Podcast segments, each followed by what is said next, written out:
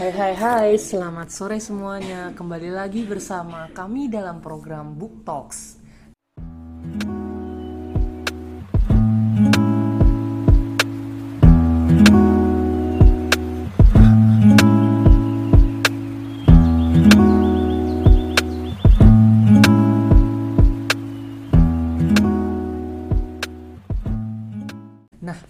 Pada Talk kali ini kami akan mengusung sebuah buku berjudul Politik Kuasa Media karya Noam Chomsky yang mana kita bersama dengan dua staf Anstrat yang pertama ada Mas Noel dan yang kedua ada Mas Aji. Nah, untuk Noam Chomsky itu sendiri, beliau memiliki nama lengkap Avram Noam Chomsky Beliau lahir pada tanggal 7 Desember tahun 1928 di Pennsylvania, Amerika Serikat. Beliau merupakan seorang ahli bahasa teoritis Amerika yang memiliki karya pada tahun 1950-an untuk merevolusi bidang linguistik dengan memperlakukan bahasa sebagai kemampuan kognitif dari manusia. Nah, beberapa dari teori Noam Chomsky itu sendiri adalah tata bahasa generatif yang mana dalam tata bahasa generatif terdapat teori linguistik yang mana Noam Chomsky mencetuskan mengenai teori yang berkata bahwa bahasa adalah sebuah kunci untuk mengetahui akal dan pikiran dari manusia itu sendiri. Teori tersebut memiliki nama teori generatif kognitif, sehingga setiap penutur memiliki pengetahuan tentang bahasanya, yaitu kompetensi bahasa tersendiri. Kemudian, selain politik kuasa media, Noam Chomsky mengeluarkan beberapa buku yang lain seperti Manufacturing Consent pada tahun 1988, Who Rules the World pada tahun 2014, kemudian Syntactic Structure pada tahun 1957, On Palestine tahun 2015 dan masih banyak yang lainnya. Nah, tanpa lama lagi kita masuk kepada buku Noam Chomsky ini teman-teman yaitu politik kuasa media. Nah untuk Mas Aji dan Mas Noel kira-kira dalam buku tersebut mana sih bab yang paling menarik dan perlu menjadi perhatian khusus? Bisa dijawab Mas. Oke ya, mungkin Mas Aji dulu lah ya. Wah Mas Noel dulu nggak sih? Mas Aji lah. Oke. Udah aku uh, coba buat awalin ya uh, dari buku Noam Chomsky ini kan yang berjudul uh, Politik Kuasa Media. Ada satu poin di buku ini yang cukup aku terkesan gitu ya, atau mungkin menjadi sebuah insight baru untukku, yaitu ketika awal munculnya bentuk propaganda. Nah, sejarahnya uh, propaganda ini kan muncul ketika uh, pemerintahannya uh, modern ya, pemerintahan modern itu di pemerintahan Woodrow Wilson uh, presiden uh, ke-28 saat itu di Amerika Serikat. Nah, nah kan dia uh, memenangkan pemilihan presiden uh, pada tahun 1916 dengan platform atau mungkin take ya perdamaian tanpa penaklukan. Nah, ketika itu uh, uh, sedang berkecamuk perang dunia pertama ternyata ketika pemilihan Woodrow Wilson itu saat propaganda itu menjadi hal yang sangat apa ya sangat wah atau mungkin sangat menarik untuk dilihat oleh masyarakat. Nah ketika hal yang berbau perdamaian tanpa penaklukan itu dicanangkan oleh Wilson padahal pemerintah saat itu uh, Wilson itu sebenarnya terlibat gitu. Punya andil dalam peperangan perang dunia satu. Atau ya kayak perang dunia satu gitu. Nah Wilson ini membentuk komisi propaganda uh, yang mereka buat resmi dari pemerintah yaitu Krill Committee. Itu kayak lembaga persnya mereka humasnya mereka untuk menebarkan isu-isu atau mungkin informasi uh, yang tujuannya adalah mempengaruhi masyarakat. Nah, mungkin itu gambaran umumnya. ya tentang hal apa poin yang aku cukup tergugah gitu tentang buku politik kuasa media. Oke, mungkin Mas Noel bisa menambahkan gimana Mas Noel? Oke, terima kasih Mas Haji itu keren banget ya uh, apa ya yang disampaikan oleh Mas Haji itu keren banget. Uh, dari buku uh, Noam Chomsky ini kan terdiri dari 10 bab ya dari ke 10 bab itu semuanya emang sebenarnya emang menarik ya menarik untuk dibahas dan juga eh, sangat-sangat apa ya bisa menambah wawasan dan membuka pikiran kita gitu tentang eh, media kemudian juga tentang demokrasi dan lainnya. Nah mungkin dari 10 bab yang ada di buku Noam Chomsky ini yang paling saya soroti atau yang paling saya bikin tertarik gitu ya yaitu ada di bab ketiga tentang pemirsa demokrasi. Uh, itu dimulai dari halaman 7 ya. Nah uh, pemirsa demokrasi ya. Uh, sedikit banyak di sini tuh meng, uh, membahas ter terkait dengan demokrasi bagaimana demokrasi itu berjalan. Uh, ini latar belakang buku ini tuh kan di Amerika Serikat. Ya mungkin aku akan mungkin saya akan lebih membahas tentang demokrasinya demokrasi secara umum tentang uh, demokrasi yang ada di Amerika Amerika Serikat. Tapi mungkin dikaitkan dengan demokrasi yang sekarang berjalan. Nah di di bukunya Noam Chomsky ini di bab ketiga ini ada satu kalimat yang menarik. Uh, kata-katanya itu seperti ini Re revolusi seni berdemokrasi dapat digunakan untuk membuat suatu tujuan buat nah kalau menurut yang disampaikan oleh Noam Chomsky melalui bukunya uh, dalam kehidupan bermasyarakat dalam berdemokrasi itu ada dua kelas. Ada dua kelas uh, yang pertama itu kelas para ahli dan yang kedua itu uh, kelas orang lain. Orang lain dalam tanda kutip ya. Nah uh, apa sih fungsi dari apa namanya? Fungsi dari kelas para ahli ini? Nah para ahli ini tuh fungsi fungsi mereka itu menganalisa terus juga melaksanakan kebijakan kemudian juga mengambil keputusan dari suatu kebijakan uh, dalam uh, tentunya dalam kebijakan-kebijakan pemerintah yang mereka buat. Nah untuk orang lain mereka berfungsi sebagai nah ini yang menjadi apa ya menjadi apa ya namanya uh, apa sih namanya kalau nyindir tuh nyindir ke kita gitu, sebagai masyarakat oh. luas bahwa demokrasi itu enggak enggak seindah itu gitu. Karena kan kita menggaungkan bahwa demokrasi itu kebebasan berpendapat dan sebagainya. Cuman ada sisi gelap di terkait dengan demokrasi itu. Nah di Noam Chomsky ini uh, orang lain itu disebut kawanan pandir. Kenapa kawanan pandir? Dan apa sih itu kawan kawanan pandir itu nah kawanan pandir ini tuh uh, di buku ini disebutkan bahwa mayoritas besar dari uh, populasi. Jadi selain para ahli selain istilahnya orang-orang pinter intelektual gitu dan juga orang-orang yang berkuasa ada nah ada yang lain yaitu orang lain. Gimana tuh? Ada yang lain orang lain. Nah itu yang dimaksud dengan kawanan pandir.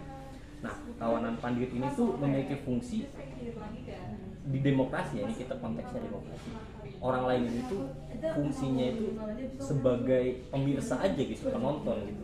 Kenapa penonton gitu? Karena uh, disebutkan juga di dalam buku ini tuh dan pemerintah ataupun orang-orang kelas para ahli tersebut tuh uh, meng, meng, apa ya meng, mengungkapkan satu apa ya namanya istilah gitu atau memaksakan suatu moral. Ini yang lebih memaksakan suatu moral bahwa publik itu terlalu bodoh yang nantinya akan mendatangkan masalah gitu. Nah jadi ya harus dijinakkan istilahnya seperti itu. Nah kawanan pandir itu seperti itu dianggap oleh pemerintah publik terlalu bodoh dan juga akan mendatangkan masalah dan ya mau nggak mau harus dijinakan padahal kan di dalam konsep demokrasi gitu uh, orang-orang ini tuh harusnya juga ikut berkontribusi dalam memutuskan kebijakan karena kan yang tahu bagaimana uh, keluh kesah lah istilahnya keluh kesah masalah-masalah yang ada di masyarakat itu ya masyarakat itu sendiri gitu. Bukan para kelas bukan kelas para ahli ataupun penguasa-penguasa. Nah tapi di buku ini disebutkan bahwa demokrasi itu tidak seindah itu bahwa yang memainkan itu hanya orang-orang yang di atas kelas para ahli uh, sedangkan orang-orang masyarakat itu ya hanya sebagai penonton kayak gitu. Uh, mungkin itu dulu sih. Mungkin itu sih yang paling menarik menurut aku ya. Karena melihat bahwa demokrasi itu dilihat dari sisi lain bahwa demokrasi yang seharusnya menjadi demokrasi yang bebas itu istilahnya kan dari masyarakat untuk eh dari masyarakat. oleh masyarakat. Masyarakat untuk masyarakat. Ya dari masyarakat eh, un- oleh masyarakat untuk masyarakat itu kan demokrasi ya. Eh, cuman di sini ternyata demokrasi ini tuh bisa diputarbalikan dan bisa dibuat-buat oleh pemerintah dan ya seperti itulah kampanye mungkin itu dulu sih yang mungkin bisa aku sampaikan tentang buku ini. Oke, untuk Mas Aji dan Mas Noel sangat insight sekali ya. Ini sangat hal yang baru gitu. Bahwasannya penggunaan propaganda dalam pemerintahan, kemudian ada partisipan dari demokrasi itu sendiri yang ternyata dibodoh-bodohi dan mungkin kata kunci yang bisa kita ambil dalam eh, hal ini adalah kemunafikan dan penutupan terhadap kebenaran ya Mas ya, kurang lebih. Nah, untuk selanjutnya, kira-kira yang bisa saya dapatkan adalah memang eh, kelebihan dan kekurangan pada setiap sistem kepolitikan itu pasti ada. Nah, untuk demokrasi itu sendiri telah dibuka oleh Noam Chomsky ini sendiri berpuluh-puluh tahun yang lalu. Tetapi memang untuk insight ini sendiri sangat luar biasa. Oke, untuk Mas Aji dan Mas Noel, insight-nya sangat luar biasa sekali. Nah, kira-kira dari hal yang tadi telah dipaparkan mengenai buku, yaitu adalah politik kuasa media, kira-kira ada tidak ya Mas contoh-contoh politik kuasa media itu sendiri dalam masyarakat di Indonesia? Bisa untuk dijawab Mas Noel dan Mas Aji. oke eh, siapa dulu nih siapa dulu Mas Aji dulu lah Nah. aku belum nyiapin Gua gantian lah Nah. Nggak. Oke, eh, buat ini ya contoh politik kuasa media yang ada di masyarakat. Mungkin kita coba buat tarik di sisi internasional dulu ya sebelum masuk ke khususnya di Indonesia. Oke, Eh, Mas. politik kuasa media itu sebenarnya atau mungkin eh, lebih singkatnya politik media lah. Politik media itu kan eh, awal munculnya ada di Amerika Serikat ya. Kita coba tarik eh, kasus yang paling dekat yaitu Perang Dunia Kedua.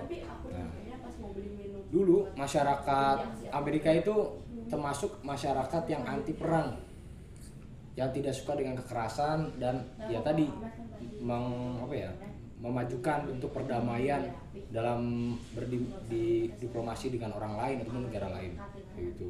Nah, ketika uh, masa pemerintahannya Woodrow Wilson, nah di saat seperti itu muncul nih uh, bentuk propaganda atau mungkin industri humas yang mereka canangkan kepada masyarakat atau mungkin tadi yang Mas Nal sudah sampaikan kawanan pandir di mana mereka yang kawan pandir itu uh, nggak paham loh ternyata informasi yang mereka sampaikan itu bentuk propaganda dalam rangka untuk menghasut mereka uh, mengikuti tujuan-tujuan dari pemerintahan yang dibilangnya demokrasi atau demokratis gitu ya. Nah, uh, bagaimana saat itu masyarakat Amerika uh, yang tadi anti perang disusupkan bagaimana uh, orang-orang yang ada di Eropa lawan-lawan mereka. Kayak Jerman. Jerman itu kan uh, identik sama fasisme ya. Dan Amerika Serikat tuh dibuat takut oleh uh, pemerintah Amerika Serikat. Mereka di- dibuat uh, seakan-akan mereka Jerman itu bakal pergi ke Amerika menguasai Amerika. Kayak gitu. Dan lewat politik media berupa ketakutan itu maka muncul kekuatan-kekuatan dari bawah dari masyarakat akar rumput itu untuk uh, sama-sama uh, mendeklaris- mendeklarasikan bahwa mereka itu termasuk orang-orang yang bakal ikut andil uh, dalam peperangan di Perang Dunia Kedua. Makanya ketika Perang Dunia Pertama kita nggak ikut nggak lihat ya ada uh, negara Amerika Serikat untuk ikut andil di sana. Secara ini loh, secara uh, Secara luas dan massa. langsung ya, ya, Mas, ya. secara masanya itu nggak terlihat. Mungkin uh, pimpinan-pimpinan Amerika Serikatnya kita tahu mungkin ada beberapa gitu ya pimpinan Amerika Serikat- Serikatnya gitu. Nah, uh, dari yang umum itu tuh, dari Amerika itu kita coba ambil uh, it- apa ya topik yang jadi permasalahan di situ. Ternyata uh, bentuk politik media itu sebenarnya uh, mengarah ke siapa sih? Mengarah ke masyarakat. Nah, tapi masyarakat yang kayak gimana? Nah, masyarakat yang tidak um, memahami informasi apa mobilitas apa disrupsi informasi yang datang kepada mereka kayak gitu mereka nggak bisa menyerap intisari dari uh, informasi yang disampaikan media yang disampaikan mereka telah mentah-mentah dan akhirnya uh, mereka menjadi korban dari bentuk penghasutan politik. Nah, nah coba kalau misalkan kita ambil di Indonesia mungkin uh, politik media itu lewat pers ya. Banyak kan saat ini pemerintah uh, memberikan uh, framing-framing kepada contohnya contohnya FPI mungkin ya organisasi radikal FPI bagaimana pemerintah menggambarkan bahwa FPI itu fix uh, bentuk radikal. Dan masyarakat setuju gitu ya. Oke kalau misalkan kita bentuk itu bentuk radikal nggak uh, nggak menjadi masalah ketika masyarakat itu setuju semua. Tapi di sini ternyata ada pertentangan. Bukan eh, mungkin disclaimer dulu ya bukan berarti aku membela FPI itu sebagai organisasi yang nggak radikal ya. Tapi seba, uh, sebagaimana kita tahu bahwa negara demokrasi itu punya banyak suara punya banyak representasi perspektif dan lain-lain kayak gitu. Nah uh, FPI ini menjadi salah satu korban dari politik media di mana pemerintah memberikan stigma bahwa FPI itu sebagai organisasi radikal dan seharusnya ditupaskan kayak gitu. Nah dari situ uh, kita balik lagi ke masing-masing uh, bagaimana teman-teman melihat uh, fenomena tersebut ya. Mungkin agak cukup jauh kalau misalkan kita lihat tadi Amerika Serikat dalam sisi yang uh, umum terus masuk ke Indonesia dalam sisi religi gitu ya agama gitu. Tapi mungkin dari situ teman-teman bisa nangkap bahwa intinya adalah politik media itu harus punya tujuan punya objek dan yang penting adalah bisa menghasut banyak suara masyarakat. Masyarakat harus berubah perspektifnya untuk mengikuti atau menjalankan tujuan-tujuan dari para pemerintah atau para birokrat. Kayak gitu. Kayak gimana? Uh, mungkin Mas Noel mau nambahin? Oke mungkin tadi udah cukup keren juga ya yang disampaikan sama Mas Aji ya.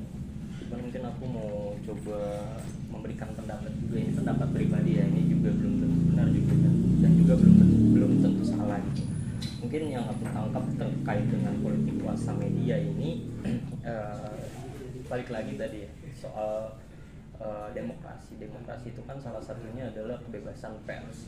Cuman uh, di masa ini ya di, di dewasa ini gitu ya pers ini tuh bebas tapi juga ada yang dikuasai oleh para pemerintah atau para penguasa gitu ya. Sehingga uh, mereka juga dengan leluasa memberikan uh, apa ya istilahnya memberikan uh, pola pikir atau pandangan yang bisa mempengaruhi mas eh, mahasiswa bisa mempengaruhi masyarakat gitu. Sehingga masyarakat tuh seakan-akan ya setuju setuju dengan apa yang dilakukan oleh pemerintah. Cuman itu suatu hal yang nggak bisa langsung diterima gitu. Karena kan baik lagi tadi kebebasan pers terlalu luas tapi uh, apa ya namanya jadi bisa dikuasai oleh uh, apa namanya pemerintah gitu uh, apa ya contoh-contohnya tuh sebenarnya banyak ya masa kini yang Mas Aji ya terkait dengan politik kuasa media gitu. Yeah, tadi betul. tadi seperti yang Mas Aji bilang nih soal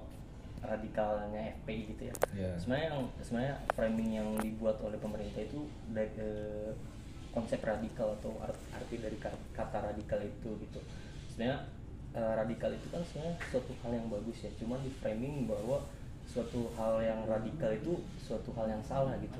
Dan radikal itu bagus itu. Boleh dicek deh apa sih yang dimaksud dengan radikal di ya coba kita buka di Google gitu radikal itu sebenarnya bagus cuman di framing oleh media dan oleh pemerintah itu radikal itu suatu hal yang buruk gitu. Nah seperti itu sih mungkin.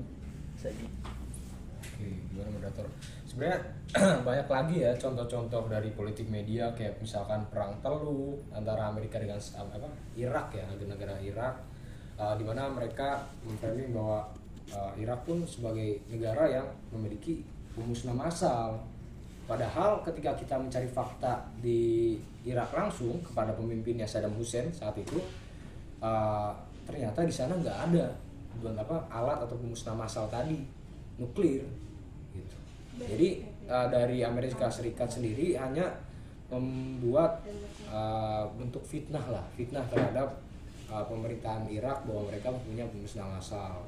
Nah selain itu juga ada lagi nih perang Vietnam. Perang Vietnam itu juga juga sebagai bentuk uh, apa ya rasa nasionalisme yang ditanamkan kepada masyarakat bahwa kita punya kepentingan di Vietnam. Kita punya hal-hal yang dituju hal-hal yang sesuai dengan asas kita bernegara di Amerika Serikat. Yang padahal balik lagi itu hanya kepentingan dari uh, pemerintah atau birokrasi saat itu. Nah, mungkin itu contoh-contoh lain ya. Aku mungkin uh, teman-teman bisa carilah bagaimana media itu sebenarnya sudah lama uh, ada gitu di antara masyarakat dan memiliki kepentingan-kepentingan tertentu tergantung dari kelompok yang uh, mengendarai atau mengendalikan uh, media tersebut. Uh, mungkin sedikit nambahin juga ya uh, terkait dengan ini apa namanya media itu kan sekarang uh, kita seperti kita ketahui lah ya kalau misalkan udah dekat uh, apa sih namanya pesta demokrasi ah, pemilu dan sebagainya itu kan uh, politik tuh semuanya masuk ke media bagaimana seorang calon itu uh, membagus-baguskan dirinya sendiri itu melalui media. Nah itu kan juga mempengaruhi masyarakat. Itu juga salah satu uh, politik kuasa media. Uh, sebenarnya kan emang ya uh, di undang-undang uh, pers itu kan sebenarnya uh, lembaga pers itu punya fungsi ekonomi. Cuman uh, fungsi ekonominya itu digunakan ketika emang iklan-iklan itu masuk. Nah tapi ketika med, uh, politik politik juga nggak sebenarnya uh, masih ini sih ya masih perlu men, apa jadi penelitian yang lanjut gitu terkait dengan politik yang uh, di, disebarkan di media itu. Terusnya tadi lo contoh-contoh dari apa apalagi udah mau deket-deket pemilu nanti 2024 ya pasti media rame. Pasti. Mungkin juga banyak yang dibayar ya pers-pers atau media-media yang oleh calon-calon untuk bikin bagus nih kayak ayo pilih gue gitu. Itu nggak sih mas Aji ya betul. Oke, sangat menjadi insight juga ini tentang beberapa hal yaitu penerapannya dan contoh-contohnya. Sehingga perlu menjadi kewaspadaan kita bersama bahwa kesadaran untuk pintar-pintar dalam memilah dan mencerna informasi Nah, kemudian menurut Mas Aji dan Mas Noel itu sendiri, apa sih intisari dari buku ini? Kemudian bagaimana kira-kira pengaplikasiannya? Kemungkinan ada hal tertentu yang bisa menjadi uh, bawaan ataupun menjadi pegangan bagi kita semua dalam politik ini. Silahkan Mas Aji dan Mas Noel. Oke, okay. siapa nih? Noel dulu deh. Oke, oke. Okay. Saya dulu ya. Mungkin uh, yang bisa kita ambil ya dari Noam Chomsky politik kuasa, kuasa media ini tuh lebih ke arah kita tuh diingetin loh kalau sebenarnya apa pun yang uh, setiap informasi yang ada di media itu nggak selalu apa kebenaran gitu yang disampaikan itu apalagi emang uh, kalau udah urusannya sama pemerintah gitu pasti kan mereka juga uh, framing framing yang tadi kata Mas Haji bilang gitu. Uh, jadi kita sebagai apa ya masyarakat gitu ya masyarakat luas lah mau siapa pun itu e, mencoba untuk bisa apa ya mengartikan dari suatu informasi. Jadi nggak sembarangan terima aja gitu informasi. Karena ya balik lagi gitu e, apa ya informasi yang disampaikan oleh media apalagi kalau udah dikuasai oleh para penguasa gitu media tersebut ya pasti akan mempengaruhi pikiran kita. Gimana sih caranya e, masyarakat itu percaya nih sama pemerintah atau percaya nih sama siapa pun itu gitu e, yang punya kuasa gitu agar masyarakat itu bisa tenang aja gitu udah nggak usah banyak ngomong lah nggak usah bawel nggak usah berantem gitu. Ya udah pokoknya tenang aja. Nah gimana caranya pemerintah itu melalui media e, membuat masyarakat itu tenang? Padahal kan nggak selamanya seperti itu gitu banyak oh misalkan kayak eh, isu-isu uh, yang sebenarnya apa ya namanya isu-isu yang sebenarnya naik gitu tapi nggak dibahas di media gitu. Malah kan mungkin salah satunya ya aku nggak uh, saya nggak bisa memastikan cuman kemungkinan besar itu seperti itu gitu. Contohnya mungkin ada juga di uh, tempat tinggal saya gitu terkait dengan pungli yang udah mengakar gitu di suatu pasar gitu. Um, para pedagang di pasar tersebut tuh mencoba minta tolong nih ke ke media gitu ke pers untuk isu ini diangkat loh ini pungli yang sangat besar gitu. Cuman nggak pernah sampai itu nggak pernah diliput nggak pernah diangkat oleh media karena ya, mungkin dan juga itu ini fak, fakta atau bukan nggak tahu ya cuman dari pedagang yang katanya media-media itu udah disogok gitu sama apa namanya oknum-oknum yang melakukan pungli tersebut gitu dan sogokan itu udah juga masuk ke pemerintah jadi isu-isu sebenarnya isu-isu yang jadi masalah di masyarakat itu nggak pernah naik gitu mungkin itu sih Mas Haji kalau Mas Haji gimana? Oke, uh, mungkin aku sedikit nambahin ya. Uh, intisari dari buku ini adalah aku coba buat kutip salah satu kalimat yang mengatakan bahwa siapa yang menguasai media, dia akan menguasai dunia gitu. Kalau kita coba buat teliti kalimat ini sebenarnya ini ya, uh, bagaimana media itu sebenarnya hanyalah sebentuk alat menuju suatu kepentingan atau tujuan tertentu. Nah, paling pesan dari buku ini sebenarnya menyampaikan tadi yang disampaikan sama Mas Noel uh, bahwa kita sebagai masyarakat itu harus bijak dalam menyerap atau mungkin mendengarkan informasi yang datang uh, berseliweran di pikiran kita, di media sosial kita atau mungkin di media-media lain secara fisik kayak gitu. Nah, dari situlah jangan sampai kita termasuk kawanan kawan pandir ya Betul. yang hanya uh, Menonton. menonton dan ya Terima- bisa terima saja aja terima, terima aja gitu dan ya mereka bisa kita anggap sebagai masyarakat yang dalam kata kata eh, dalam tanda kutip ya bodoh gitu di situ kan uh, mereka dianggap bodoh ya sama orang-orang elit di atas nih yang menguasai media kayak gitu. Nah uh, mungkin uh, sedikit pesan dari aku buat teman-teman. Mungkin ini uh, intinya adalah mulai dari literasi sih. Media itu kan nggak semuanya nggak semuanya berbentuk gambar ya. Media pun bisa berbentuk tulisan gitu. Nah dari situ uh, teman-teman harus pahami nih apa sih yang di yang dicoba untuk uh, disampaikan oleh kelompok atau mungkin pers apa sih yang mau disampaikan oleh mereka? Dan coba kita teliti lagi apakah sumber dari informasi itu benar-benar fakta atau enggak? Atau jangan-jangan cuma kayak fitnah Amerika terhadap Irak tentang pemusnahan massal nah itu kan jadi permasalahan juga. Ayo lekas berbenah kita coba pahami lagi uh, segala informasi yang datang ke kita. Mungkin itu uh, sedikit pesanku juga ya nyempil nih. Oke mungkin ada tambah lagi ya dari Mas Noel? Udah sih cukup sih. Oke, oke, oke, oke. Dari Mas Noel dan Mas Aji sudah menyampaikan statement dan pandangan masing-masing ya teman-teman. Sangat luar biasa sekali. Jadi yang bisa saya restatement kan, yang bisa saya katakan ulang adalah di sini pesan dari buku Politik Kuasa Media adalah kita sebagai masyarakat, masyarakat Indonesia yang beragam dan heterogen, kita harus bisa untuk menambah literatur, menambah kajian kita dan kepustakaan sehingga wawasan kita bertambah. Jangan mau kita dianggap seperti kawanan pandir tadi yang hanya bisa menonton baik itu dari kesusahan orang, kemudian kita diadu domba oleh masyarakat, oleh pemerintah itu sendiri. Nah, yang mana hal tersebut tentu menimbulkan persatuan dari kita sendiri. Yang mana kita perlu adanya kesadaran teman-teman. Jika pemerintah menutupi maka kita yang akan membuka itu. Nah mungkin eh, untuk bukto kali ini cukup sampai di sini teman-teman. Untuk kedua staf ansrat ini yaitu Mas Aji dan Mas Noel yang telah bersedia mengisi acara bukto kali ini yang bertajuk politik kuasa media. Eh, bisa disampaikan mas sekian dari saya. Kemudian eh mungkin kita akan bertemu pada acara book talk sel- seri selanjutnya. Ya oke.